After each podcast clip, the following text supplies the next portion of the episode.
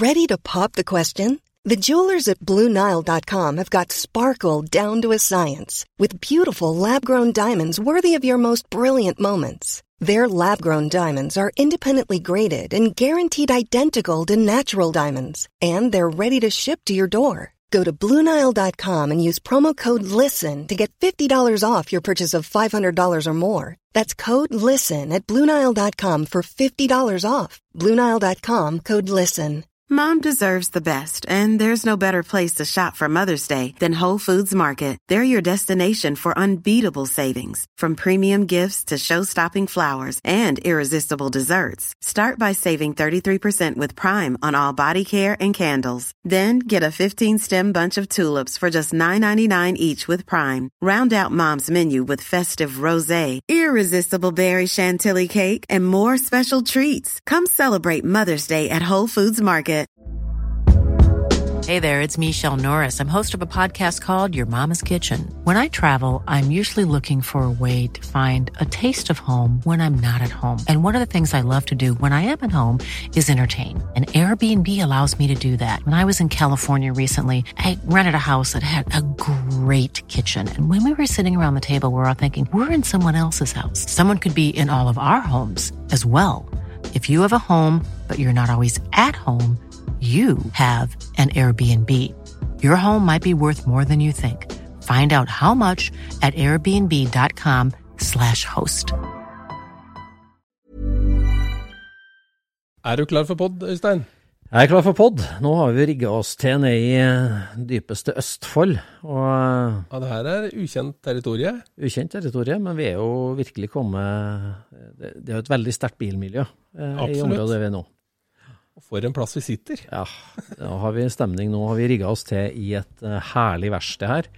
Så det lukter olje, og det er bilblader og, og biler rundt oss på alle kanter. Ja, ja, ja. Du blir så inspirert, vet du. Blir det, vet du. Det passer bra for kveldens pod, så jeg tror vi bare kjører i gang. Jeg. Ja, det gjør vi. Vi kjører pod.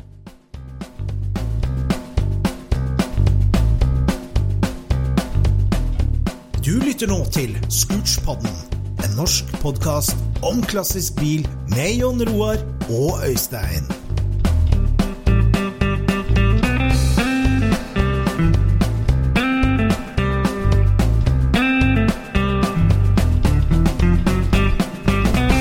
Velkommen til dagens episode av Scootspodden. Og eh, i dag har vi fått med oss en, en gjest som er et sånt navn som alle i Bil-Norge har hørt om. Eh, og, også som er en kar som yter stor respekt i miljøet, og derfor er det veldig hyggelig i de her verste omgivelsene å ta imot eh, platespesialisten og bilentusiasten Robin Hermansen. Takk for det. Velkommen hit. Jo, Hjertelig takk. Hyggelig at du tar deg tid til å scootspodde litt sammen med oss. Ja, det blir jo spennende dette. Ja, vi spennende, dette. Eh, vi har møttes en par ganger før, men det er en gang vi nesten møttes, Robin. At i sommeren 1997 så farta jeg rundt og jakta på gamle Porscher i California. Ja. Og da dro jeg innom Boyd Coddington Hot Rods. Ja. Og med en gang jeg kom innom der, så sa han at ah, the Norwegian, the, where's the Norwegian? Og da tror jeg du var ute til lunsj. Så, Ja. så vi, de ville liksom matche. Jeg, nordmann kom på besøk, og du var ikke der. For du var der da? Ja, eh, 97 var jeg der. 97 der. Ja, det var jeg òg. 98. Ja. Så Nei, vi var ute og spiste en times lunsj. Vi hadde timeslunsj hver dag, og begynte sju, og hadde fra 11 til 12 så hadde vi lunsj. ja, topp. Vi hadde jo ganske morsomt med det, for vi hadde jo Roy Schmidt, som vi jobba sammen med, Ja. karosseri. Vi andre gikk ut og spiste lunsj, og Roy dro ut og drakk lunsj. Når var han mest produktiv? Før eller etter lunsj? Det var vel eh, Han var best ifra sånn eh, rundt åtte til lunsj. Ja. Åtte til lunsj. Da Så hadde han alltid da et kvarter napp under bilen når han kom tilbake. Og så var det rett på toan etterpå, for da skulle disse drinkene ut igjen.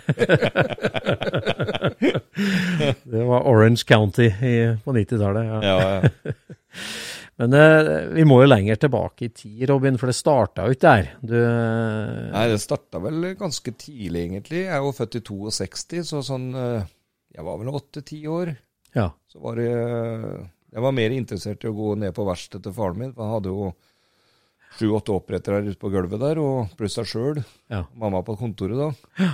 Og da kunne jeg sitte og se eh, Før så satt de og tinnsparkla mye og sånt noe. Ja. Faren min hata sparkel, så han lot alle få lov til å tinne. Og da satt hun der og tinna, da, og jeg kunne sitte i tre timer og se på én tinne, liksom. Så Gjorde du det? fikk jeg noen kommentarer innimellom da på Ja, orker å se på dette, liksom? Sitte bare her? Ja. Ja, ja, ja. Jo sånn det var, det.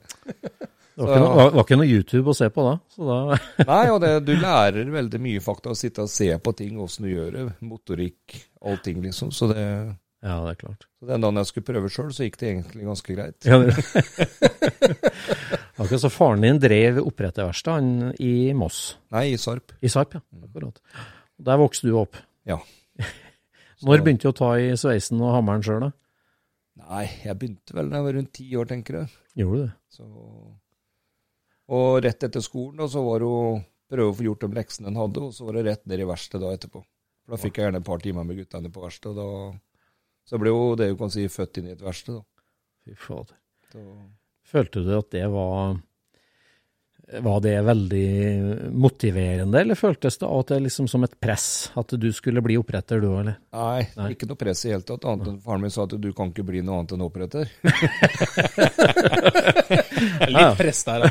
Ja, Nei, jeg hadde jo, I 9. klasse hadde vi jo utplassering, da. Ja. Og da hadde jeg gjerne lyst til å bli baker.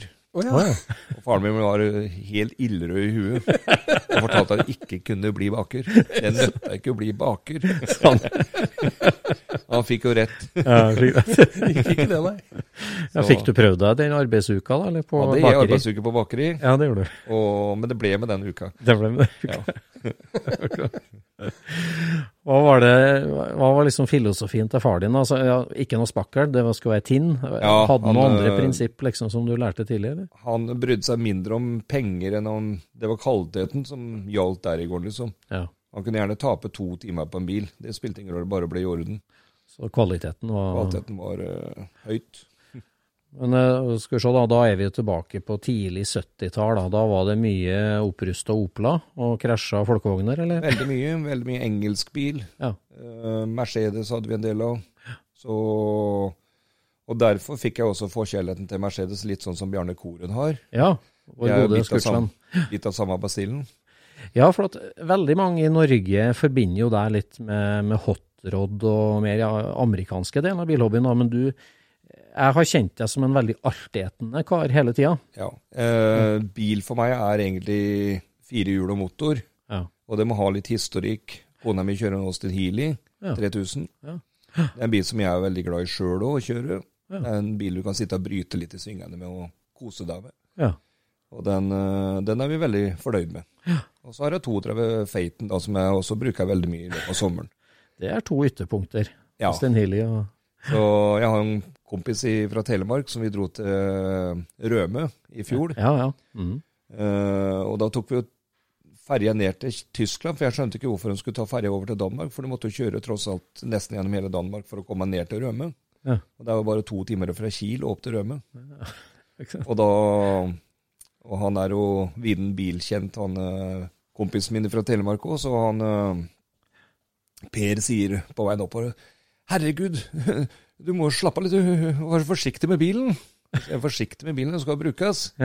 Og det kunne han liksom ikke helt fatte, at den fine Forden gikk på autostradaen i 130 km liksom oppover, og det Det er feiten den, da. Ja, feiten, ja. ja. Og det blåste bar seg, og caben ville jeg ikke ta ned, den ville jeg ha alltid oppe. ja. Så, for han ser så forbanska det rar ut. Det ser egentlig ut som en liten jacuzzi når du er ute og kjører. Og det, det er en som er opptatt av utseendet. ja, det er herlig. Det er viktig. Det liker vi. Så hadde vi noen herlige dager på Røme, da. Ja, ja. Og, og da gassa vi rundt på sand der og spola litt. Og egentlig hadde det veldig bra. ja, ja, ja. Så, og det skal brukes. Skal brukes. Det tåler å brukes. Men hva sier når du da er oppover tenåra og, og lærer faget av far din, og, og altså, det her med eh, altså yrkesvalget og faget er jo en ting, men bilhobbyen som hobby er jo en annen ting.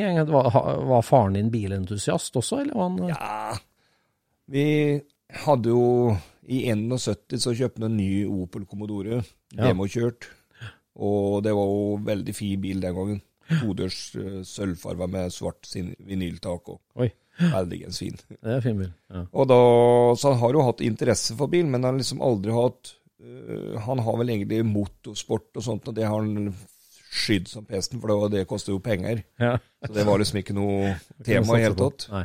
Og jeg hadde alltid hatt lyst til å kanskje kjørt litt rally og litt sånt, men det var ikke snakk om det. Jeg kjøpte en Mustang da jeg var 15 år. da. Gjorde du det? Den var påkjørt eh, bak, og den skjøt jeg da, satt sammen to stykken. Fikk tak i en bakpart i Sverige. Når du var 15? Ja. Og, og det var jo marerittet til faren min, da, for den sto inne i verste opptaksplass. Ja.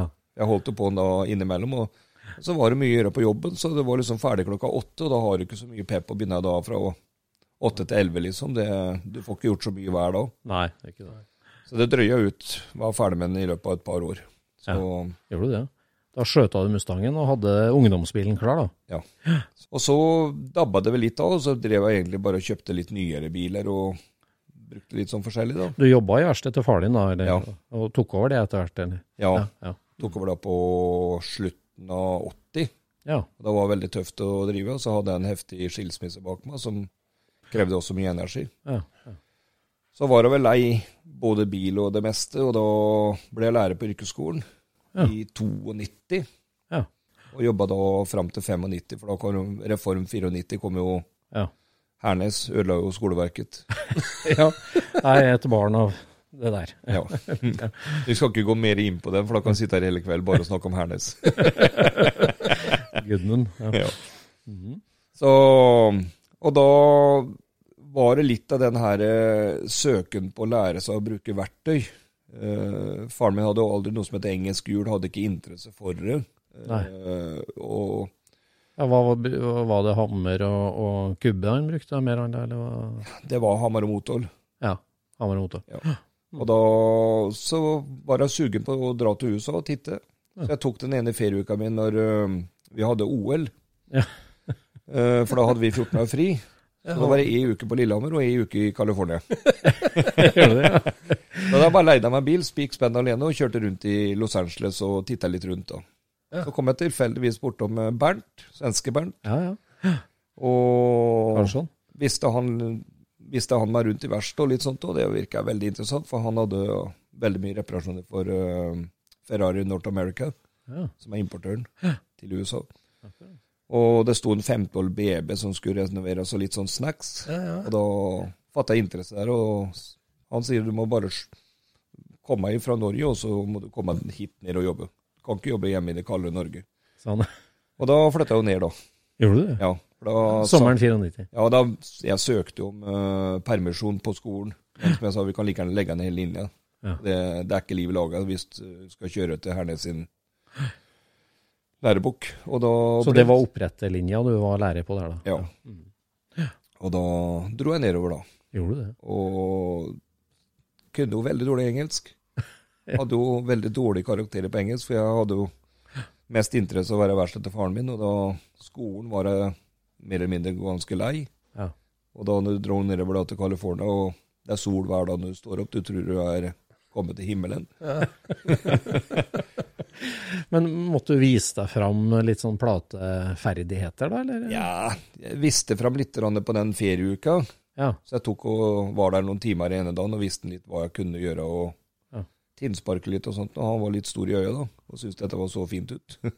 Du følte deg trygg i faget da, veldig, du? Ja, jeg har alltid eh, vært trygg i faget mitt, men du kan si at du får jo stadig høre liksom at du er så jævla flink. Men det er ikke noe mer, jeg er ikke noe mer flink enn det som står i boka, læreboka. Kan du det som står i læreboka, så er du flink.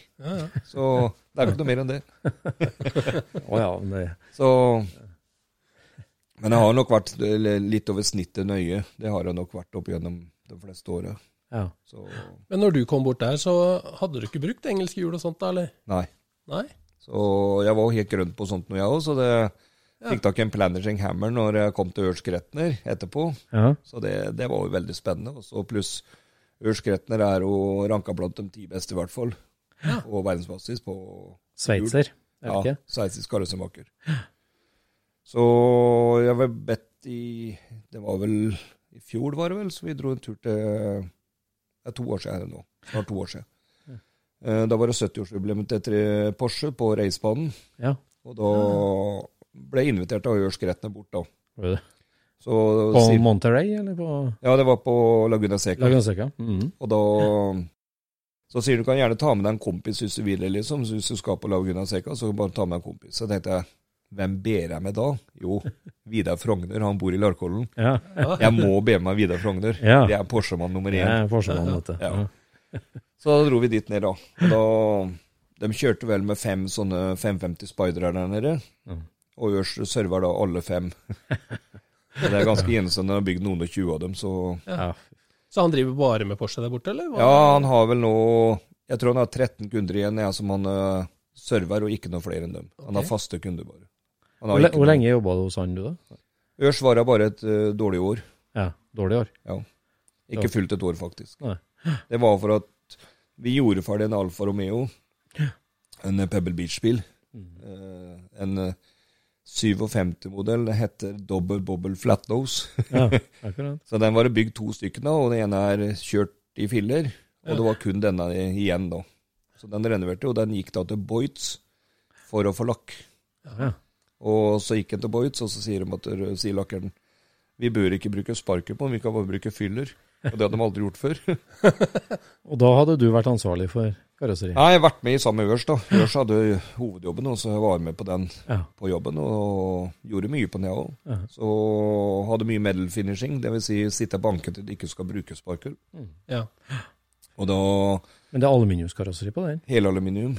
Og da, når kunden betaler da Ja, vi holdt på 260 timer med medal finishing. Det vil si, når bilen hadde vært ferdig til lakk her i Norge for 100 år siden, liksom, ja. så hadde vi da 260 timer oppå der for å få den siste lille touchen for at det ikke skal ha sparkel. Sitter du med merkefarge og sånt nå, da? Og så Nei, da er det bare å kjenne og banke og file. Ja. Så, og maler òg. Ja. Da var maler til høyre og venstre, så det blir likt. Ja. Så han var jo aldri levert så fin fra Italia noen gang, for det håndbygde italienske karosseriet var ikke kjent for å ha den beste Det var ikke alltid høyre og venstre side var lik. Nei. Så her, med, her ble det veldig likt, da. Ja. Så Men det var, måtte jo vært et nytt materiale for deg å jobbe med aluminium? Ja. Altså, ja. jeg hadde jobba litt aluminium på vanlig Range Rover og Land Rover og sånt noe her hjemme, men ikke noe større, liksom. Men uh, aluminium er veldig fine oppfører seg akkurat som stål omtrent. Så ja, det gjør det. jeg bruker gass og surstoff og krymper akkurat som jeg gjør i stål. Så det Ja, gjør det. Så du reiste over primært for at du hadde lyst til å lære deg altså, Ta et nytt steg i plateformingsfaget, da, egentlig? Og, følte liksom at jeg hadde stoppa liksom opp liksom når du har lært deg oppretting og du kan og tatt fagbrevet, liksom, så, så vil du videre, da. Men hadde du gjort noe store kan si, hobbybilprosjekt eller custombilprosjekt hjemme i Norge før du Ja. reiste? Eller? Har jo alltid hjulpet masse bekjente og kamerater med alt derfra, og da var det gjerne mye amerikansk, kan du si. Ja. Mange sa seg en listhøl, tinna dem. Ja. Eh, jeg har alltid vært nøye med døråpninger. Dørene skal klikke igjen, det skal være fine gap. Det har liksom vært en del av merkeverkstedet, si, med det vi har holdt på med, liksom. Ja, jeg skjønner. Så, men, men altså, før du reiste til USA, da hadde du noe mye hobbybiler sjøl da, eller? Eh, Ikke så veldig mye. Nei. nei. Så, så det var- var vel av Faren min var jævlig streng. Fikk ikke lov til å gjøre så veldig mye. og Jeg turte nesten ikke, jeg turte nesten ikke å kjøpe noen bil uten å spørre han først, liksom, før jeg ble sånn 40. Han var en eh, Så han var en- tydelig skikkelse. Ja. Hadde god pekefinger når jeg gikk i læra, sin. Han var ikke det letteste å gå i læra hos. Men du lærte jo, da. for Ja, Men det var ganske tøff, tøff lærer. Ja. Ja. Så jeg har jo fått hørt det. Jeg har hatt noen lærlinger på verkstedet mitt, og jeg har vel kjørt kanskje 10% av faren min, og de syns jeg er jævlig streng, så Hva var det vanskeligst å få til i forhold til far din sin standard? da? Sveising, tinning eller banking? Eller, ja, Det var generelt liksom eh, Jeg husker jeg fikk en rekordkupp vi skulle til bakskjerm på, liksom. ja. Og da sa han da må du passe på at det hjulhuset passer 100% inn i hjulbuen. ja. Så gikk det vel litt fort i svingene da. Jeg var vel sånn 17 år. Og når jeg var ferdig, da, så hadde begynt å sveise rundt, så sier han du kan bare kappe deg alt sammen. For det hjulhuset her er ikke bra nok. Og da er det bare å ta en helt ny skjerm, liksom, og hive den. Oi. For jeg hadde sveisa såpass mye, så det gikk ikke å begynne å bore ut av. Ja. Og da var det av med den, da, og kjøpe en ny skjerm. Og da lærte jeg jo det at det aldri mer. å prøve å småslurve for å bli fort ferdig. Det gikk ikke. så Du fikk betalt for det da, borti USA, når du får jobbe på, på de virkelig toppklassebilene. Ja, det er ikke noe sånn eh, mange tror at du har veldig godt betalt, og det er liksom eh, Ja, nå mente jeg mer det nøyaktigheten i faget ditt. da. Ja. At, at eh, Det er jo det krever jo en veldig høy standard. Når jeg begynte hos eh, Bernt, da, så kommer jo Ørs innom og ser hva jeg gjorde hos Bernt. Så sier Ørs Gretner at den dagen du vil slutte her, så må du bare ringe meg. Sånn. Ja, ok. Og så ble jo jeg ble jo litt krasj med en svensken, da, for han er var jo veldig glad i penger og lurte meg på litt penger og litt sånt, og da ble det liksom litt sånn krasj. Og så ringte jeg til Ørs, jeg. Ja, når kan du begynne, Sånn. Jeg kan vel egentlig begynne i morgen tidlig. Ja, men det er fint, sånn, da ses vi i morgen tidlig. Yes. og så var det da når den alfaen gikk Ja. eh, til Lock. Boyds, så ringte Boyd Coddington da bort til eh, Ørs og sa Hi, this is Boyd Coddington. I want to speak with Robin. og da skjønte Ørs hva det gjaldt. Ja. For da hadde andre bilen akkurat gått til, til Boyd til Lack. Så, så Ørs var ikke noe spesielt happy når jeg slutta, men uh, vi er veldig, veldig gode venner i dag. Vi, yes. uh, jeg har veldig stor respekt for det han har gjort, og han har stor respekt for det jeg har gjort, så, så det er veldig trivelig. Det er hyggelig. Ja. For han gjør jo eh, originalbiler, stort sett. Ja. Veldig sjeldne spesielle Sjeldne biler, one-off-biler, stort sett. Ja.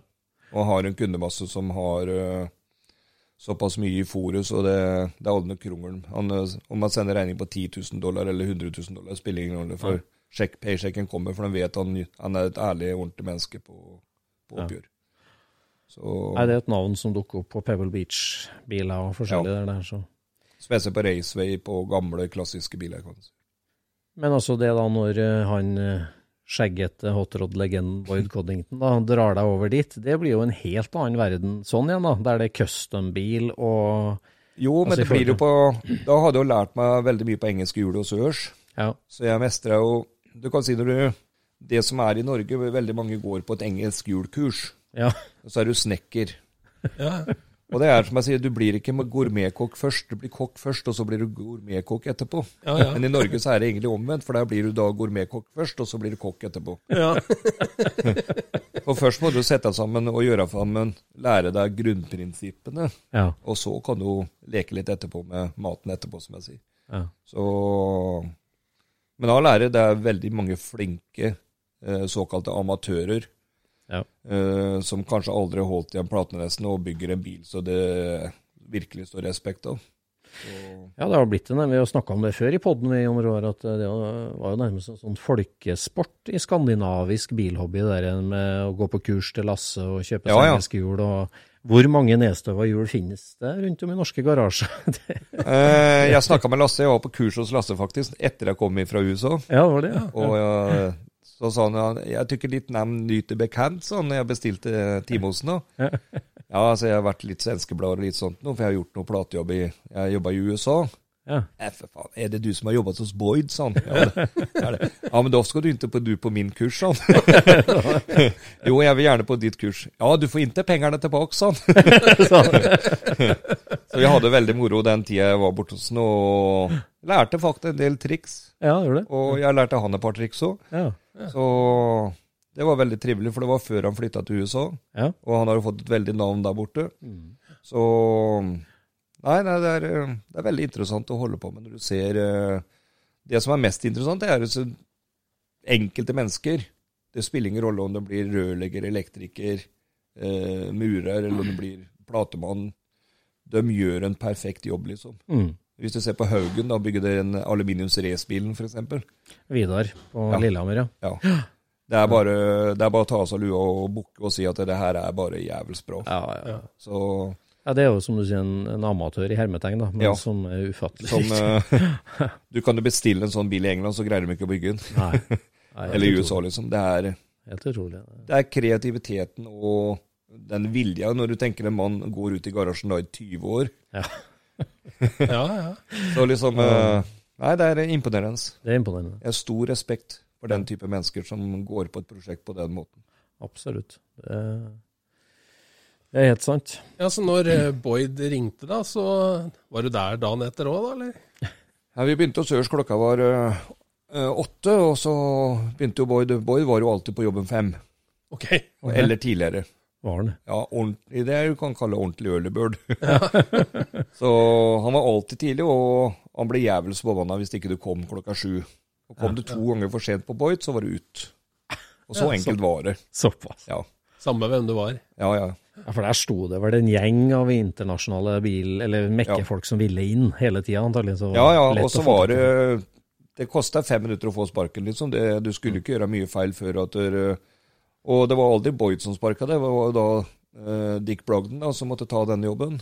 Og da når det gikk til lunsj, som regel, så kom Dick Brogden bort og sier eh, til den personen det gjaldt, og sier at ja, etter lunsj så kan du gå bort og pakke toolboxene, og så kan du gå til Amanda, så har hun payshaken klar. Ja. Nei. ja.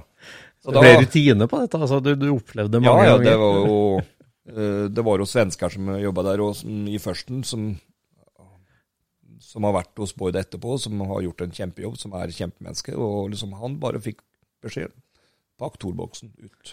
Og det er ikke noe moro å få den beskjeden. Det, Nei, ikke vært det. Jeg greide meg heldigvis gjennom nåløyet. Ja, gikk du litt på tå hev, da? Eller? Nei, jeg gjorde egentlig ikke det. Nei. For uh, jeg har jo alltid vært glad i å ha litt friluftsliv ved siden av, kan si. At vi, har, vi går på byen på helga, liksom. Det var helt naturlig. Ja. Og jeg jobba veldig mye. Jeg jobba en del overtid på Boyds. eh, Og greide vel deadlinene mine ganske bra. Deadlinene var viktig i hele prosjektet. At der karosseriet var ferdig den og den datoen, og så var det lakk, og så var det assembly etterpå. Så han var veldig systematisk på sånn Ja, ja. prosjektstyringa, liksom, Boyds, altså at det var tids... Ja, Ja. akkurat. Mm. Så Men jeg kom jo da ganske sent på mandagen. Hver mandag kom jeg egentlig ganske mye for sent. Sånn rundt halv ni kom jeg på mandagen. Ja. For det er et uh, lite sånn lite bule, sånn Harley-bule, Hot Rod Harley-bule, som heter Cooks Corner. Og den er jo da hver søndag, så er det jo liksom hoveddagen der. Så eh, da kom jo alle farmersen da med døtre og sønner og dem sjøl, og spilte da bluegrass ute okay. fram til klokka fire. Og etter klokka fire så var det full rock'n'roll inne. Og det var det blue soul rock'n'roll også, virkelig. Så da var det enkelte ganger ikke huska vi kom inn på søndag. Og da hendte det at jeg kom inn klokka halv ni på morgenen på, på Boy da, og begynte å jobbe. Og da så jeg vel ut, ut som han eh, Roy når jeg kom på jobb, litt sliten. Så, men det gikk. Og ja, Boyd hadde forståelse for det? Eller? Ja, det gikk egentlig ganske bra, for at guttene skjønte det ikke. For at jeg kom to mandager på rad eh, klokka ni. Ja. Og så sier Larry Sergejev, som var egentlig basen på verkstedet, det var han som holdt i Som var styringen. Så sier han eh, du, Hermansson, sa han nå, etter lunsj så tror jeg du får beskjed om å pakke toolboksen. ja vel, sier jeg. Ja, det er to ganger, det er kjent hos Boyd, sånn to ganger for sent. Ja. Så er det ut.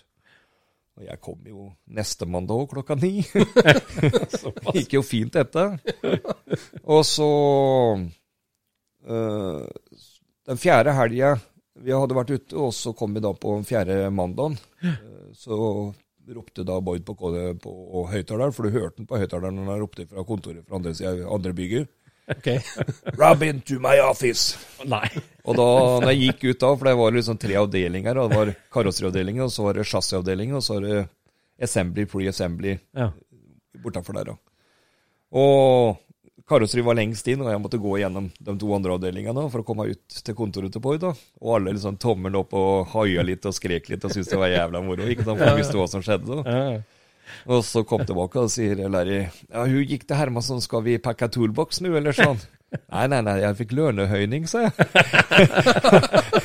og da ble det jo jævla mye. Men eh, grunnen til at han eh, verna meg på den måten, var at jeg jobba veldig mye. Jeg jobba Ja. til sju, åtte og ni på kvelden, for jeg syntes det var moro. Ja. Og trivdes veldig godt i miljøet. Og hadde god deadline på bilene. Bilene var gjerne kanskje uke før tida. Og det satte han pris på, og jeg jobba jo ofte lørdager. Men var, var Boyd tett på dere, da? skal vi si? Altså, der Ble du kjent med Så han håndverket ditt sjøl? Ja, ja, ja. Bevares. Bevares. Ja. Skipet han jobba jo veldig tett på på design og sånt, og jeg kunne plutselig si til Skipfuset, så det her ser helt jævlig ut. Det, det her, sånn kan det ikke se ut. Ja. Du ser jo rett inn i frontplatene, du har jo ikke noe fra grillen og fangeren din som svarer helt nakent inn. Ja. Og vi holdt på 49 Cadillac blant annet, så sier jeg at det her ser helt jævlig ut. Og da fikk jeg gjøre på min måte. Han spurte hva jeg ville gjøre. Ja. Og så gikk han opp og lagde en ny blueprint, da, for tegne kan han jo. Ja, ja, ja. Ja. Og kommer ned med blueprinten og sier 'you get free hands'. Og da fikk jeg gjøre sånn som jeg ville, og det ble jævlig bra. Og, så, men vi jobba tett på hverandre, og da blir det automatisk sånn. Du, du tenker ikke på Skipfus at han er Skipfus. Du tenker som en ren arbeidskollega. Og, og vi gikk for å få det fineste resultatet. Det sa Boy Tema når jeg begynte der. Mm. Jeg har hørt du er kreativ og har mye kreativt syn, og da kan du bruke det for alt hva det er verdt. Ja. Og det gjorde jeg, og det ble veldig bra. Bygde du noen biler vi kjenner til da, der borte? Ja, Boyster 2, den Ja. gule, Ja, ja, ja. ja. av skjermennete. Å ja? Gjorde det? Jeg bygde jo Marcel bygde karosseri på den. Ja.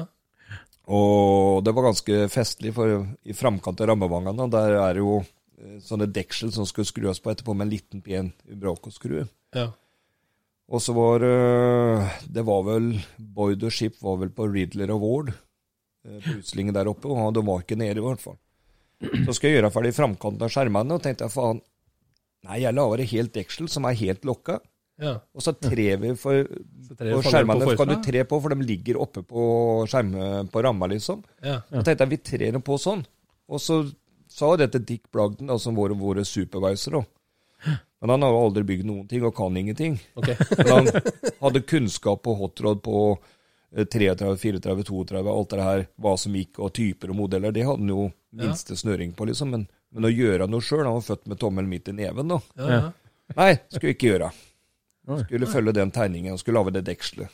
Nei, tenkte jeg, det driter jeg i. Så jeg dro det opp på jobben på lørdagen, da. Ja. Og sveisa og tinna og gjorde akkurat som jeg ville, og tredde på. Og på mandag da, så smelte den eh, verktøyet mitt i gulvet, og det gjør det ikke med verktøyet mitt, i hvert fall. For det var, vi hadde personlig verktøy der borte. Ja. Plateverktøy. Ja. Så jeg sugde noe inn i veggen og sa til han at det her gir du faen i. så han ble jo litt skremt, da. Og, og da kom jo Boyd ned og lurte på hva det var for noe. Og da sa jeg at eh, jeg fikk beskjed om å være kreativ, og det har jeg vært. Og Dick Blodden er forbanna Jeg sa et ord som ikke egner seg på trykk. Ja, ja. Og det gidder jeg ikke, sa jeg. Og hvis han skal fortsette sånn, så bytter jeg arbeidsplass. Jeg drar jeg tilbake til Ørs. Og jeg, jeg angra egentlig for jeg sa det, for han kjefta så jævlig på Dick Blogden så han begynte å grine. En kall på 60 år ja. for skriningene sine. Men han, han fikk så hatten passa da. Så det var ikke noe tvil om hvem Boyd støtta. Nei.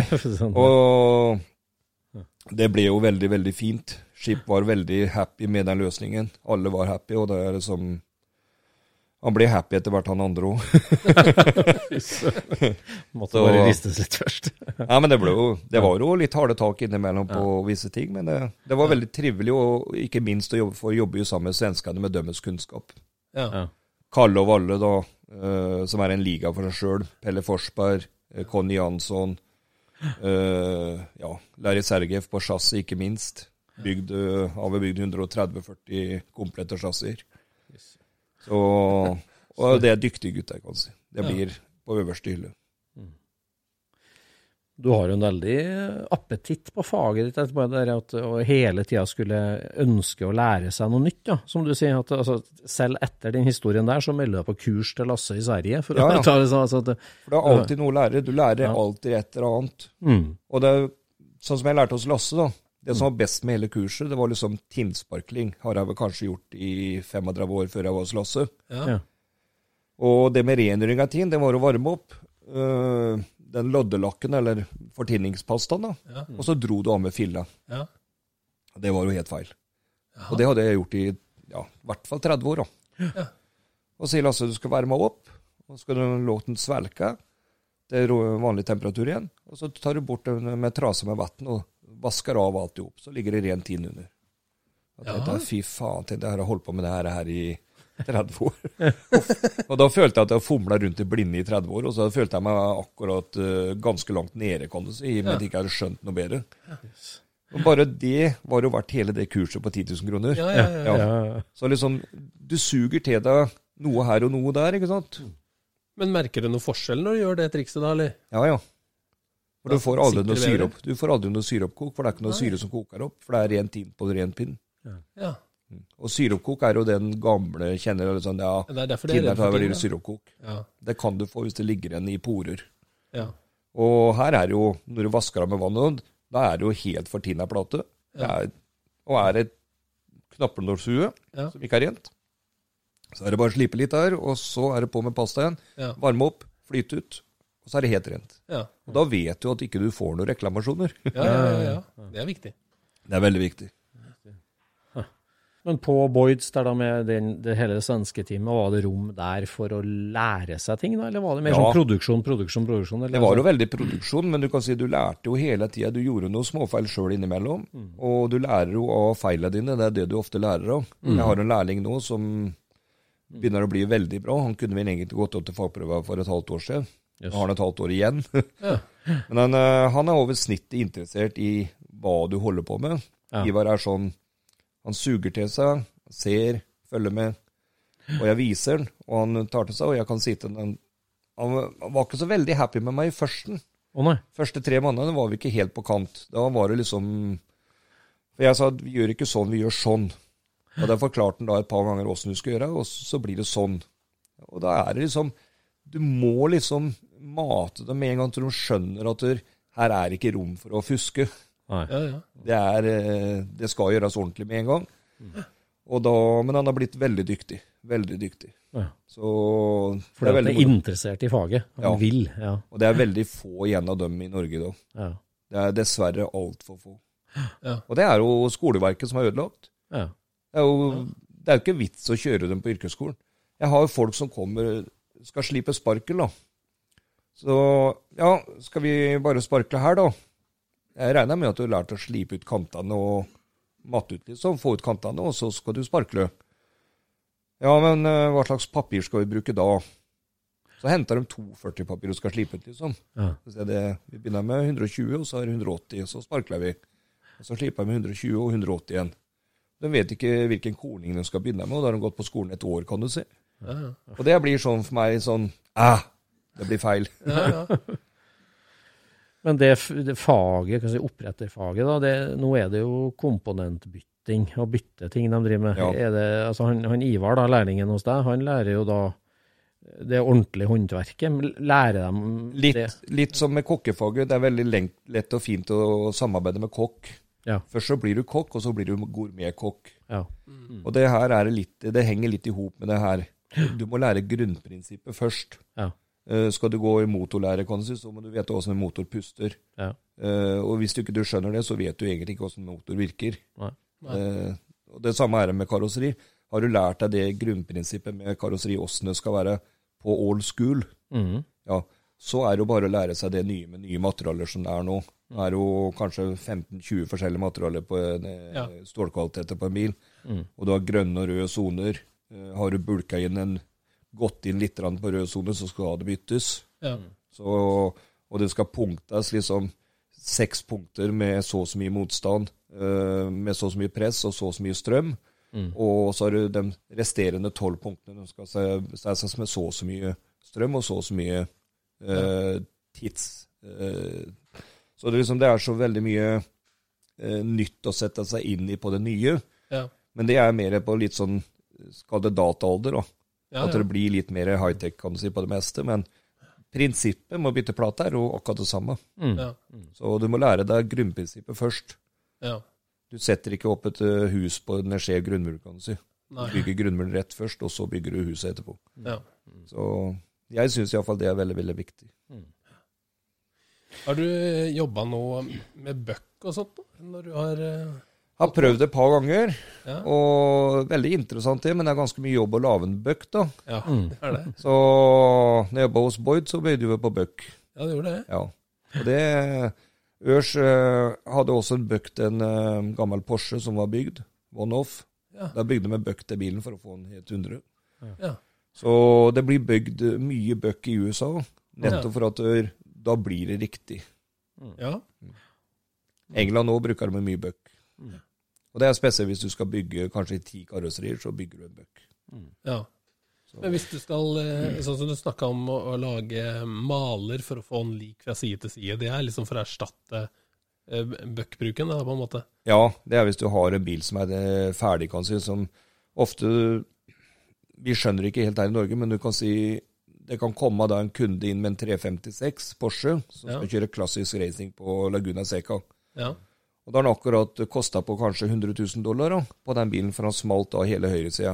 Ja. Så kommer den uka etterpå, da har han tatt hele venstresida og fronten. og, og da er det liksom greit å ha en sånn en uh, ytre mal, kan du si, som du Ja. kan legge på da. Ja. Så det er veldig mange som kjører racing i USA som ikke skulle gjort det. De har umåtelig mye penger og kjøper seg inn for å få kjøre klassisk racing. Mm. Jeg får bare sitere Ørs Gretter når vi var der på Laguna nå. Og da sier Jørs eh, halvparten av de som er ute her, burde jo ikke kjørt, sier jeg. Race. Mm. sånn. 80 sånn. Burde ikke kjørt. 80 Så, 20% av dem som er ute på her kan kjøre bil sammen, men de andre kan bare glemme sånn. og sånn er det ofte der borte. Det er, det er eh, filmskapere, det er eh, folk Ja. som har veldig mye finanspenger og sånt, som, som syns det er moro, da. Ja.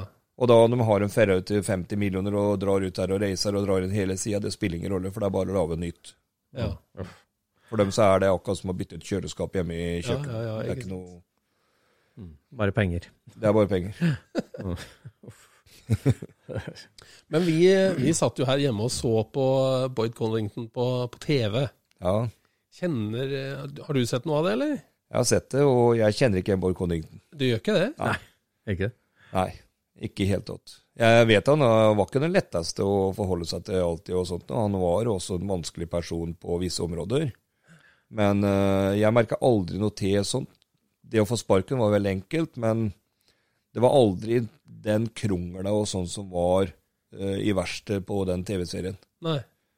Det skal også sies at Ørskretten, eller Skipfus fikk jo også et tilbud om det programmet før Boy Coddington fikk det. Aha, Ja. ok. Men når, Ørse, eller når eh, Skip fikk da beskjed at eh, det var dem som hadde regim på hva som skulle sies og gjøres, Aha. så sa han nei, nei, nei, nei, nei. Det har ikke noe, jeg har ikke noe der å gjøre. Nei. Så Skip ville ikke være med på det, Nei. på grunn av at det, det var dem som hadde regim på hva som skulle sies og hva som skulle gjøres. Så de redigerer og lavere og, Ja. Det Men fantes det på en måte et, et A-team og et B-team der, hvor B-teamet lagde TV, eller er, var det det der A-teamet vi så? Nei, jeg, vet ikke hva jeg skal svare på det. For det er liksom eh, For meg så blir det så virkelighetsfjernt når jeg jobba hos Borg Coddington og Ja. hatt det veldig fint, og guttene hadde det fint. Vi hadde det fint alle sammen. Ja. Men jeg vet det ble en del knislinger mellom uh, Skipfus og Borg Coddington når Borg Ja. gikk konkurs i 98. Så, så da var det en del eh, Det var for at du, blant annet Boy kom ikke inn i verkstedet sitt, gamle verkstedet sitt. Nei. For det var noe som heter Chapter 11, konkurs. da. Ja. Og da er det de kundene som har betalt inn da kanskje 150 000-200 000 dollar på forskudd, de får gjort da den jobben ferdig. ja, sånn, ja. Mm. ja. Og da, da stengte de dørene, og da fikk vi jobbe da bak stengte dører og gjøre ferdig de prosjektene. Og da fikk ikke Boy komme inn, og da var jo det Skip sin feil, da. Men det var jo ikke det. Nei. Det var banken, og Og du jobba der, du, altså, når det var Chapter 11? ja. ja Det gjorde du. Så, og det var veldig synd, for det, det var felgfabrikken som egentlig gikk og renne, ikke Hotroshoppen. Hotroshoppen gikk jo i pluss. Det var ikke der eh, problemet var, at han produserte og gikk på børs. Ja. ja. Så han, øh, han fikk jo ut mye penger, det gjorde han. For det var over 100 millioner som ble borte. Var det noe triksing der med Mye. antall. Ja, Mye. det var mye triksing. Så han var jo, var jo ikke alltid helt stueren Boyd når det gjaldt forretningsdrift, tror jeg. Det Nei. tror jeg ikke. Kjenner ikke så veldig mye til det, men uh, du fikk pengene dine, du. ja. Så, men han Jeg vet ikke, etter den dagen så ble han, han ble forandra som person. Ja. Det var Eh, livsverket hans, på en måte. Der, der, Ja, og vi var der borte vi, Jeg bygde jo verksted i 2000, nytt verksted i 2006, og var veldig sliten etter den byggeperioden. Så i, det var vel i 2007-2008 som vi dro bort en tur, en gjeng, en gjeng gutter også, jeg tror vi var åtte stykken. Og da traff jeg jo Boyd Coddington og Dwayne. Ja. Da var de på, på marknaden oppe Ja. på Pomona. Ja. Dwayne Spencer? Nei. Dwayne Spencer, ja. Ja, For da jobba han hos Boyd den gangen. ja gjorde han det? Når jeg var der i 2000 og, jeg tror det var 2007. Høsten 2007. Og så hilste han jo ikke på meg. Nei. Og jeg syntes det var jævlig rart, for jeg har vært der, så har jeg vært opp med begge armene og hei, liksom. Og snakka litt med henne og sier 'er du i verkstedet i morgen', sier jeg, for det her var jo på søndagen da. Ja, jeg er verst i morgen. Men Jeg kjente deg igjen, altså? Ja, jeg har kjent meg igjen. Ja. Bevares. Og var, prøvde å være hyggelig, men han, det var akkurat som han skydde meg, liksom. Gikk tilbake. Og det var ikke sånn jeg var vant til det. For jeg har alltid vært innom og besøkt den når jeg har vært bortafor. Ja. Eh, det gjør jeg stort sett med de fleste jeg har der borte. Ja. Og, men jeg fikk jo greie på det etterpå, vet du. For jeg hadde vært hos uh, Skip da på lørdagen. Ja. Og sier Skip så her, jeg har du noen T-skjorter, så slengte han bort noen skjorter til oss, da. Ja. og den skjorta hadde jo jeg på meg når jeg var på på. Ja. Og det var nok da til at ikke han gadd å snakke med meg. For vi kom jo da på verkstedet på mandag, og da var det jo full omvisning med guttene. og Ja. Da var det ikke noe problem. Hadde bytta skjorte. bytta skjorte. Så, så han var nok veldig hårsår på det området, men det er synd å se egentlig eh, sånne ting skjer. Ja, Ja. Det er jo sånn det er. Det er en sånn litt eh, trist legacy, den eh, TV-serien der, på en måte. Ja, det blir det. Så når jeg kjenner miljøet og vet hvor fint vi hadde der borte, Ja. ja. så Men Chip Hustad jobba du jo tett på Der, Liksom, hvordan var han å jobbe med? fantastisk. Ja. Helt eh, ydmyk, trivelig. Som jeg kan si sånn at det her ser faen ikke ut, vi må gjøre noe annet, liksom. Så, så var det Han lytta med en gang, og så titta han, og så lagde han noen tegninger. For det var han som hadde lært meg å se en del av det her. Jeg har alltid hatt litt sansen for det med eh, å se linjer og litt sånt, men så Ja. sier han du kan ikke gå, du må gå på fem meter, du må gå på ti meter, du går på den vinkelen, den vinkelen. Når du går og ser alle vinklene rundt, Ja. forskjellige avstander, så ser du Ja. resultatet. For det kan se fint ut på tre meter, Ja. så ser det jævlig ut på ti meter. Ja. Eller omvendt. Så og, Men vi jobba tett på, og det var veldig, veldig god tid i livet. Det kan jeg skjønne, altså. Måtte ha vært veldig inspirerende. Der er jo Altså Den tida der da, på 90-tallet, når du ja, Det var jo en liten bilfabrikk nærmest, og, Ja, og ja, ja. bygde leketøy til rike kunder. og Fantastisk tid. vi hadde jo tid. Vi hadde jo rockestjerner inne, og masse kjentfolk. Både finans, øh, folk og filmstjerner. Hvordan fungerte den salgsprosessen? Liksom, var det, altså, var det Chip, Chip satt og skissa og tegna på en bil, og så leita de etter en kunde til den? Eller, eller kom Nei. Ofte kom kundene innom. Ja. Van Halen, for eksempel. Da. Det har bygd for øh, fleste av medlemmene i bandet. Uh, Michael Anty har bygd fire biler for. Ja. Og vi bygde vel en Var det en 40 cab? Ja. Jo, 40 cab Ford. Så vi bygde nå en av de siste bilene vi bygde på Boyd, faktisk. Ja. Og, og der er oppe på kontoret med Boyd og han og sitter og skisserer en bil, og så Han kan gå bort, for Skip hadde jo da hele veggen full av forskjellige biler. Som han har tegna litt sånn på frihånd og gjort fine og hengt der. Og så går de da og plukker seg en bil. Den, den ser fin ut. Og så gjør de om litt på den tegningen, og sånn så, ja. så blir de enige, liksom. ja. Og det er et sånt, Hvordan konverterer du en sånn tegning til en bil, da? Altså, Husker Chip hva han har forandra på når han tegna den, liksom? Eller, eller blir Ja, det du kan si Der blir det jo Der skjedde det jo ting innimellom. For Skip var jo sånn perfeksjonist. Så når du bygger en bil, så blir det jo forandringer. Ja. Eh, som jeg kunne si til han, det her ser ikke ut. Vi må gjøre noe annet. ja. Så du har en blueprint, en tegning, det ser jævla bra ut, helt til du begynner å bygge. Ja. Så blir det forskjell. ja. Og da er det Jeg vet han mista en to-tre kunder nå her på det tiåret som har vært nå, liksom. eh, Som han har hatt som forholdsvis store kunder. Nettopp pga. at han er perfeksjonist. Han kan flytte linja ned en halv tomme, liksom. Ja. Så koster det 100 timer. Ja. Men han bryr seg ikke om de 100 timer, for han, han ser at det her blir ikke riktig. ja. Han setter det foran, liksom. setter det foran, og det er klart at du, når det koster deg 100 000 dollar ekstra for at han vil ha de småtinga gjort på sin måte, Ja. så er det ikke alle som syns det er greit. Så Jeg tenker I dag så er det mye 3D-modellering. og Han har, øh, drar jo opp 3D-modeller, de Ja. bilene. Men øh, når du jobba, så var det mer 2D, det? Eller det var ikke Ja, 3D? eller? fikk bare på blueprinten. Mm. Tegna bare en tegning, og så fikk du jobbe etter det. kan si. Og da var det en del ting da som dukker opp når det går fra 2D til 3D, som sier at dette funker ikke. Det funker ikke. Men du ser jo hvordan bilfabrikkene i dag jobber òg, for at de, de går ikke rett fra 2D Nei. til å produsere bil. De lager en leiremodell først, og så står de og spikker på den. Ja, ja. Ja. For at det, det blir ikke like bra som Du kan Du, ikke se det i datamaskin. Skip gikk jo på Pasadena Art Center. Ja. Han sa til meg før jeg flytta hjem til Norge, og sa at lån deg penger sånn, og begynn på Pasadena Art Center. Ja. For du sitter inne på så mye eh, ideer og sånt noe, men du må Samme. få det ut i livet. Så han fikk respekt til det for deg òg, som Ja, ja, ja. designer, rett og slett.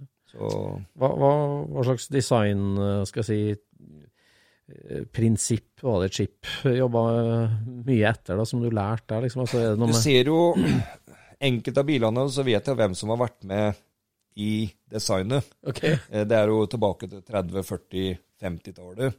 Hvis du går i gamle amerikanske bilbøker, så ser du Ja, ja, ja. du ser alltid noe fra en eller annen bil. Så ser du det igjen i en av bilene hans. Mm. Så han henter jo ideer, han, ja. andre steder.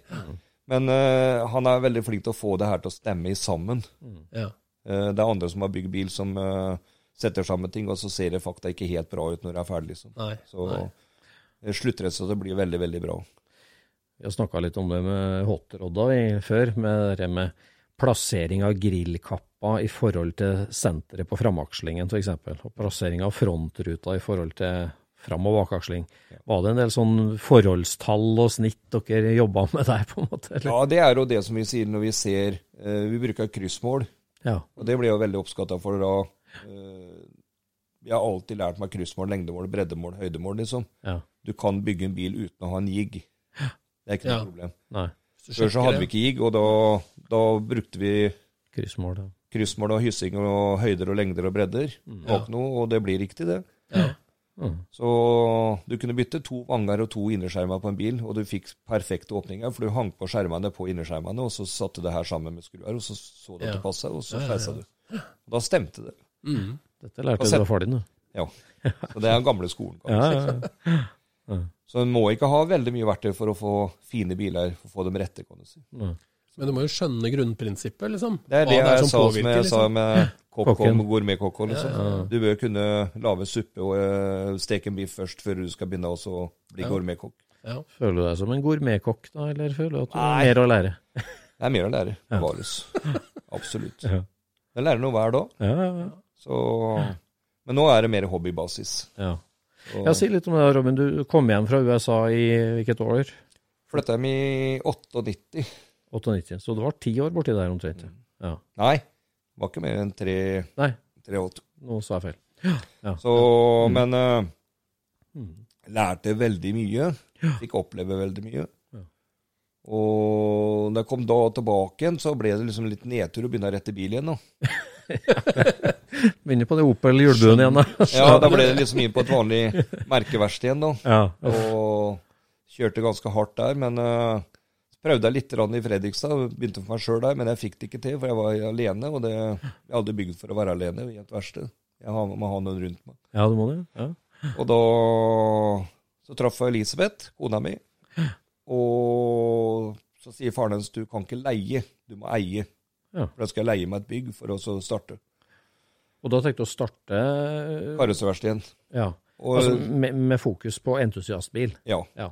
Og, og finere biler, og biler som er verdt å ta vare på. for å si sånn. Ja. Ikke bare en sånn en uh, Hyundai som skal gå i tre år til, og så skal Ja, sant. liksom. Så Og da bestemte vi oss for å bygge på Årvoll, òg. Ja. Og da begynte vi der i 2006, Ja. og er der fortsatt.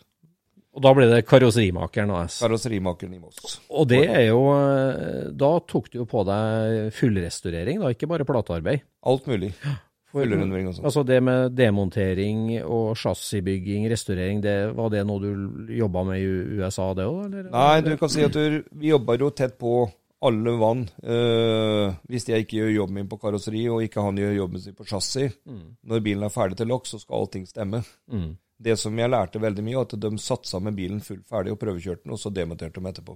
Ja. Og det er det veldig få i Norge som gjør. Mm. Uh, Mekerutene å gjøre det. De er nøye. Og bare det å sette deg på gummilister, dørhåndtak, se at allting passer. Mm. Du kjøper en reprodør i dag, Ja, ja. flott utskjært eh, dørhåndtak og allting. Så lakker du døra ferdig, og så skal du ha inn dørhåndtaket, og så er det for lite høl. Mm. Og du begynner ikke å file da og begynner å lakke etterpå. Nei. Det går ikke.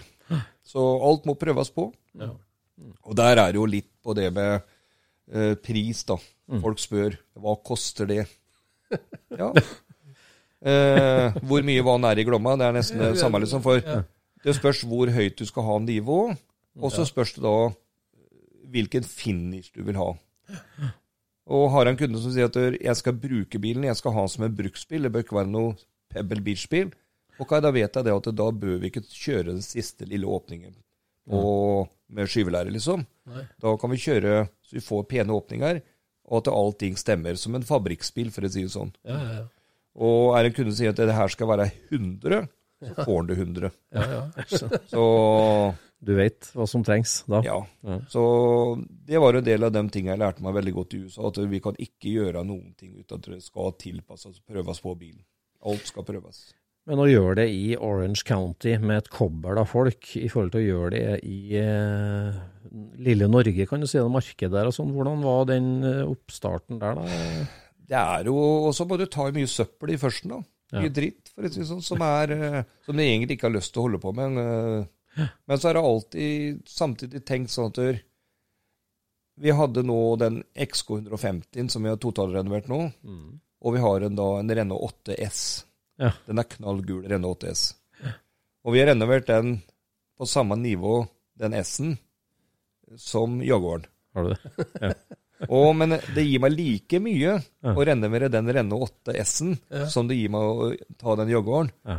For meg så er det det at jeg så den bilen, Renault 8, den så jeg ofte i bybildet i Sarp når jeg var opp, liten gutt. Ja. Så for meg så er det like viktig at den blir bevart som den Jaguar XK150. For det var ikke mange XK150 i Norge på den tida jeg var guttunge. Nei, nei. Og da er det lidenskapen da for å gjøre den like fin. Den er til stede. Det er liksom ikke det at det, det er enkelte som sier til meg for gammel dritt du har der. Det er helt feil å si. Det, er, det blir liv i hver bil, liksom. Så, Ja, ja, ja. så får du liksom et lite forhold til hver bil du har inne. ja. Nå har vi jo levert en del totalrenoveringer som har blitt veldig bra, da. Hvor mange har det blitt? Ja, Da har vi vel en ti-tolv stykken. Ti-tolv stykker. Så, Men oppi det der, da, når du da si, har ansvaret for ei lita bedrift, ansatte, folk og andres hobbybiler, greier du å ta vare på din egen bilhobby da, oppi det? det har vært dårlig til nå. Dårlig til jo hatt øh, det Vedlikehold er jo en del av den bilhobbyen du har. liksom. Du må vedlikeholde og passe på, men det har jeg ikke hatt tid til. Men hadde du noen hobbybiler som sto i Norge og venta på deg når du kom tilbake? Nei. Nei. Nei. Så da Jeg søkte etter en Faten når jeg var nede i Los Angeles, og var på mye markeder der borte og fulgte veldig godt med i aviser og lokalaviser og alt det som var. Var ikke lett å få tak i. Og kommer til Norge, og så var jeg i kontakt med Trond Bull Enger. Ja. Og så sier Bull Enger jeg har en kamerat jeg, som har en sånn Faten. Ja vel. Han bor i Oslo. Ja. Og så fikk jeg masa meg til å få kjøpt den, da. ja. Den har jeg jo ennå, og den, eh, det er bil som ikke jeg selger. Det er en nydelig bil. Jeg har sett den et par ganger. Morsom å bruke. Du har vel dratt på deg enda en, har du ikke det? Jeg har kjøpt en Roadster. En, Å ja. ja. Men drev du ikke med en brannskade? eller? Nei? ja, det er en uh, som jeg har for uh, Sein Rust. Å, det er sånn det er. Ja, ja vel. Okay. Det er den som var uh, Ja, som brant, ja. jo, Ja, ja, så ja. Den er snart uh, Ja, vi har ukes igjen på den nå, så er den ferdig til lag. Er den det? Den, Retta ut igjen og bygd opp igjen, det er vraket, Ja. altså? Så, og der har vi tatt Dørene får du kjøpt nye fra Brookville. For det er Ja. samme som som sitter på Roadsteren. Dørene framme er helt like. Og da kjøper vi to nye dører istedenfor å finne opp kruttet på nytt, kan du si. Ja, ja. Jeg lar ikke kunden få ti ganger regninga for at jeg skal lage dører. Nei. Nei, nei. Jeg er ikke på det nivået. Og så har du jo din egen å se etter, da. Ja. Den å bygge opp. Ja. Nei, det er en nydelig bil, 32 Faten. Det er en sjelden bil. Og en ny... Og så kjøpte jeg en Tudor, da. Ja, Så nå har jeg Tudoren og den Roasteren som jeg bygger nå, da. har du det? Jeg er glad i 32, da. Ja, ja, ja. Ja, ja. Jeg merker det. Var det en sjuke du fikk i USA der, eller 32? Nei, 32 hadde jeg egentlig sjuken før jeg flytta dit. Ja, det. Så, men 32 har alltid vært liksom Det er Austin Healy 3000 som jeg syns liksom har vært sånn designmessig veldig riktig. Ja. Eh, med lengder, bredder, høyder. Og ikke minst å sitte i motormessig. Og Ford, ikke minst da med V8-eren. Mm. Så er liksom, Og 32 fronten Det er liksom noe med 32 fronten som er så ren. Clean. Det er det. Ja. Men Mercedes, da? Du sa at du var interessert i Mercedes òg? Ja da, jeg har jo en eh, 280 SL som jeg renoverer òg, som Bjarne hjelper meg litt med motor og gir. da. Audi? Så Mangler ikke på hobbyprosjekt, skjønner jeg. nei da. Litt skal han ha å holde på med. Ja. Ja, for du driver og trapper ned businessen litt nå? Nå trapper jeg ned. Nå skal jeg selge bedriften min nå. Det var meningen jeg skulle gi oss nå til jul, men så har vi da egentlig halvannet års ventetid på det vi har. Så jeg prøvde å luke ut de jobbene som er litt interessant, og så har jeg en lærling som er ferdig til våren. Så Ivar. best- Ja, Ivar.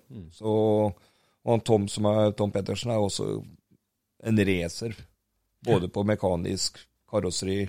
Du, er- uansett hva du gir til en mann, så blir det i orden. Yes. Og det er på øverste hylle, det som han leverer. Så, nå er det veldig moro å gå på jobben, for du har to gutter som du vet gjør den jobben de skal, og kan jobben sin, og ikke bare sitter de mellom eh, kjevene, kan du si. Jeg har hatt dem ansatt Ja. Synd å gi seg, da, på topp. Det er egentlig det, men så samtidig så er det at du begynner nå å nærme meg 60 år. Ja. Har egentlig jobba timene mine, hvis du ser på takstameteret som det går på i drosje, så har det egentlig gått snart 900 000, tror jeg. Så jeg har jobba veldig mye. Ja. Og nå vil jeg ha litt tid til barnebarn. Ja. Og, og jeg har en guttunge på 14 år.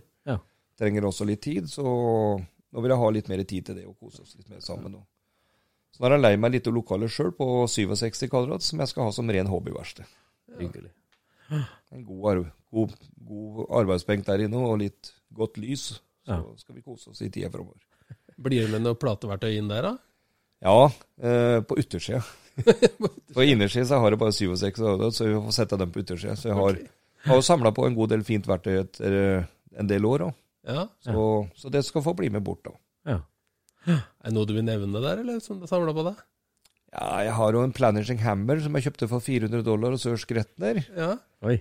Og den har jeg jo kjøpt veldig mye fint original. Den eh, Chicago Pneumatic original. Ja, ja, ja. Og den har jeg kjøpt masse verktøy til. Så Lasses engelske hjul, det virker ennå. Ja. Det virker.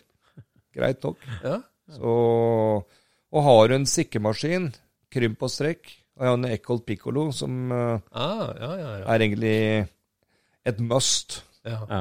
når du holder på med karosseri på det nivået vi gjør. Da er det påkrevd å ha en sånn, som jeg sier. Hvor langt inn på plata kommer du med den? Det går fint nesten å ja, lage koffertdokk, panser, dørplater. Ja. Så jeg lagde jo dørskinna på, på nye dørskinn bak på Feiten til han Rust. Ja. Og det er en lek å lage to sånne dørplater, liksom. Det er, eh, ja. du banker rundt og krymper den, og så kjører du litt strekk på midten, og så er det der. Mm. Der er det bare kanten. ja. Så, Du får det til å høres lett ut. ja, men det er eh, Du sparer veldig mye tid. Ja. Så blir det veldig slett og fint når du er ferdig. ja. Så, det er et veldig hendig verktøy. Han sveitseren hadde vel sånn òg? Nei, han hadde fakta ikke noe Eco Piccolo. Når jeg starta det at jeg kjøpte en Eco Piccolo, så var den helt ordentlig, men, rett og slett misunnelig. Så han, eh, han har jo en eh, håndholdt Eckholt, da. Ja, ja, ja. Oh, ja. Men jeg kommer ikke noe dypt innpå, det har jo bare ytterkanten. Men han er en racer på hjulet. ja. Så Ja. han ruller ut 300 SL roaster eller eh, gulving-skjerm, liksom. ja. Det er ikke Det er ikke noe galt, kan du si. Det er, det er i orden. Så han, eh, han er helt rå. Ja. Så Artig, da. det er det. Eh, Det er moro å se fagkunnskap eh, Ja. opp på det øverste, øverste nivå. eh, artig for deg, da, som var en sånn hva skal jeg si, nysgjerrig, interessert eh, platesmed fra Norge, og så fått vært med på hele reisa der. Det er jo det, og så er det, som jeg sier, for å skape deg det du vil lære deg, liksom. Da jeg jobba på Boyd, da, for eksempel, så tenkte jeg hvorfor får hun de bilene så jævlig slette og fine? Ja. For det er, det er jo som et såpestykke. Det er jo Ja. helt slett. Og da kunne jeg sitte etter jobb Vi var ferdig da klokka eh, Klokka tre var vi ferdig på jobb. Og da kunne jeg sitte fra tre til sju inne hos lakkeren og bare sitte på en krakk og se kuddene klosse. ja. For For ser de helsparkla helsparkla karosseriene. Og det er ikke noe farlig å bruke sparkel. Nei. Men du skal ikke fylle sparkelet i endene, kan du si. Kan Nei. godt ha en par-tre millimeter på en dør midt på. Ja. Ikke noe farlig i hele tatt. Nei. Men du kan ikke ha noe på endene der som du har, som slår i kanter og sånt. Der skal det ikke være noe. Hva gjorde de for noe der da? da? La- de plata litt lenger ut, eller tinna de, eller hva? Nei, når jeg begynte der, så fikk jeg jo egentlig mer eller mindre sjokk. Ok. For det gikk jo gjennom gallen med sparkel når hun sparkla. Ja, ok. Den fylte opp. Ja. Og enkelte dørene var jo ja, ja, seks millimeter tjukke. Ok. Og det er helt innafor i USA å ha tjukke dører. Okay. Og det, det var helt nytt for meg, og det, det var derfor jeg ble egentlig godt mottatt, tror jeg. Når jeg fikk lav, lav standarden min med For jeg har alltid brukt linjal. Ja. Ja. Og lagt over den kanskje, for linjalen ljuger ikke. Nei. Og bruker du linjalen, du har kanskje en halv millimeter åpning, Mm. da er du innafor. Så Ja, det er fint det når speilbildet av horisonten ikke brekker ved døråpningene. ja. Eh, Ronny Krabberød han eh, har blitt kjent med opp gjennom åra. Og han Ronny sier at du har lært meg å fotografere bilene på riktig måte. Sånn, for det, åpningene på bilene. Hvis, skjerm, hvis døra ligger på yttersida av forskjermen, liksom, Ja. ja, da kan du ta bildet bakkant og framover. Ja. Men du kan ikke ta det framover og bakover. For da får du døra, ja. Får du linja? kanten på døra. Så, og det er jo veldig enkelt å se om det er en bra bil eller en dårlig bil, liksom. ja. Så, men det er veldig veldig interessant å holde på med. Det, er, jeg gleder meg like mye enda som det gjorde Det kribler i hendene nå like mye som det gjorde for 30 år siden. Så det, ja, ja. Fenomenalt. Fenomenalt. Nei, vi gleder oss til å besøke deg i pensjonist-hobbyverkstedet ditt, da. Ja. se litt her. Så regner jeg med at eh, det var ikke bare bedre plateskills fra USA, men du ble bedre på engelsk òg, antagelig? Jeg lærte meg en del mer engelsk. Nå kan jeg, nå kan jeg få eh, ringe, ta telefonen og ringe og bestille pizza der borte. Ja. Det turte jeg ikke å gjøre når jeg flytta dit, nemlig. Jeg turte ikke å ringe og bestille pizza. Da kjørte jeg alltid bort, og så peka jeg skal ha den. ja. Ja, ja. Nei, det er herlig. Så, Da eh, tror jeg den scootspoden her er kommet til veis ende, Jon Roar. Ja. Vi kunne ha sittet i timevis, Robin, og Ja, ja, ja. hørt uh, mer her. Og, eh, det har vært mye morsomme historier. Ja, det er jeg sikker på. Vi har fått med en del av dem her. Veldig, eh, veldig veldig hyggelig å ha deg på besøk, Robin. Får jeg takke hjertelig for at jeg fikk komme hit. Ja, veldig, og takk, takk for uh, det du har gitt. Vi snakker liksom om bilhobbyen som er litt av sånn lekegrind, der vi Ja. liker å leke, alle sammen.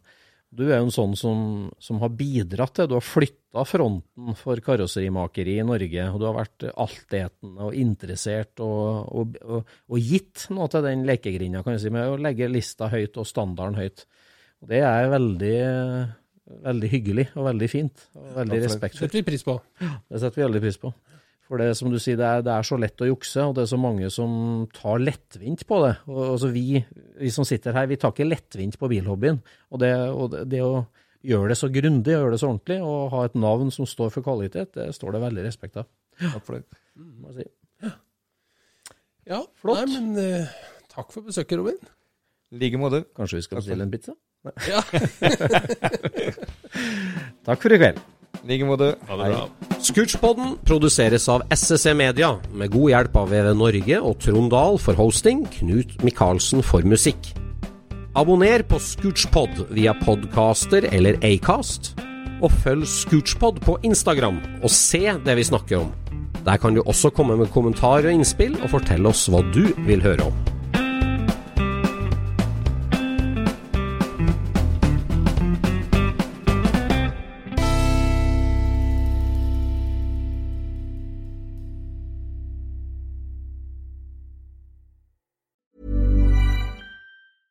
Mom deserves the best, and there's no better place to shop for Mother's Day than Whole Foods Market. They're your destination for unbeatable savings, from premium gifts to show-stopping flowers and irresistible desserts. Start by saving 33% with Prime on all body care and candles. Then get a 15-stem bunch of tulips for just $9.99 each with Prime. Round out Mom's menu with festive rosé, irresistible berry chantilly cake, and more special treats. Come celebrate Mother's Day at Whole Foods Market.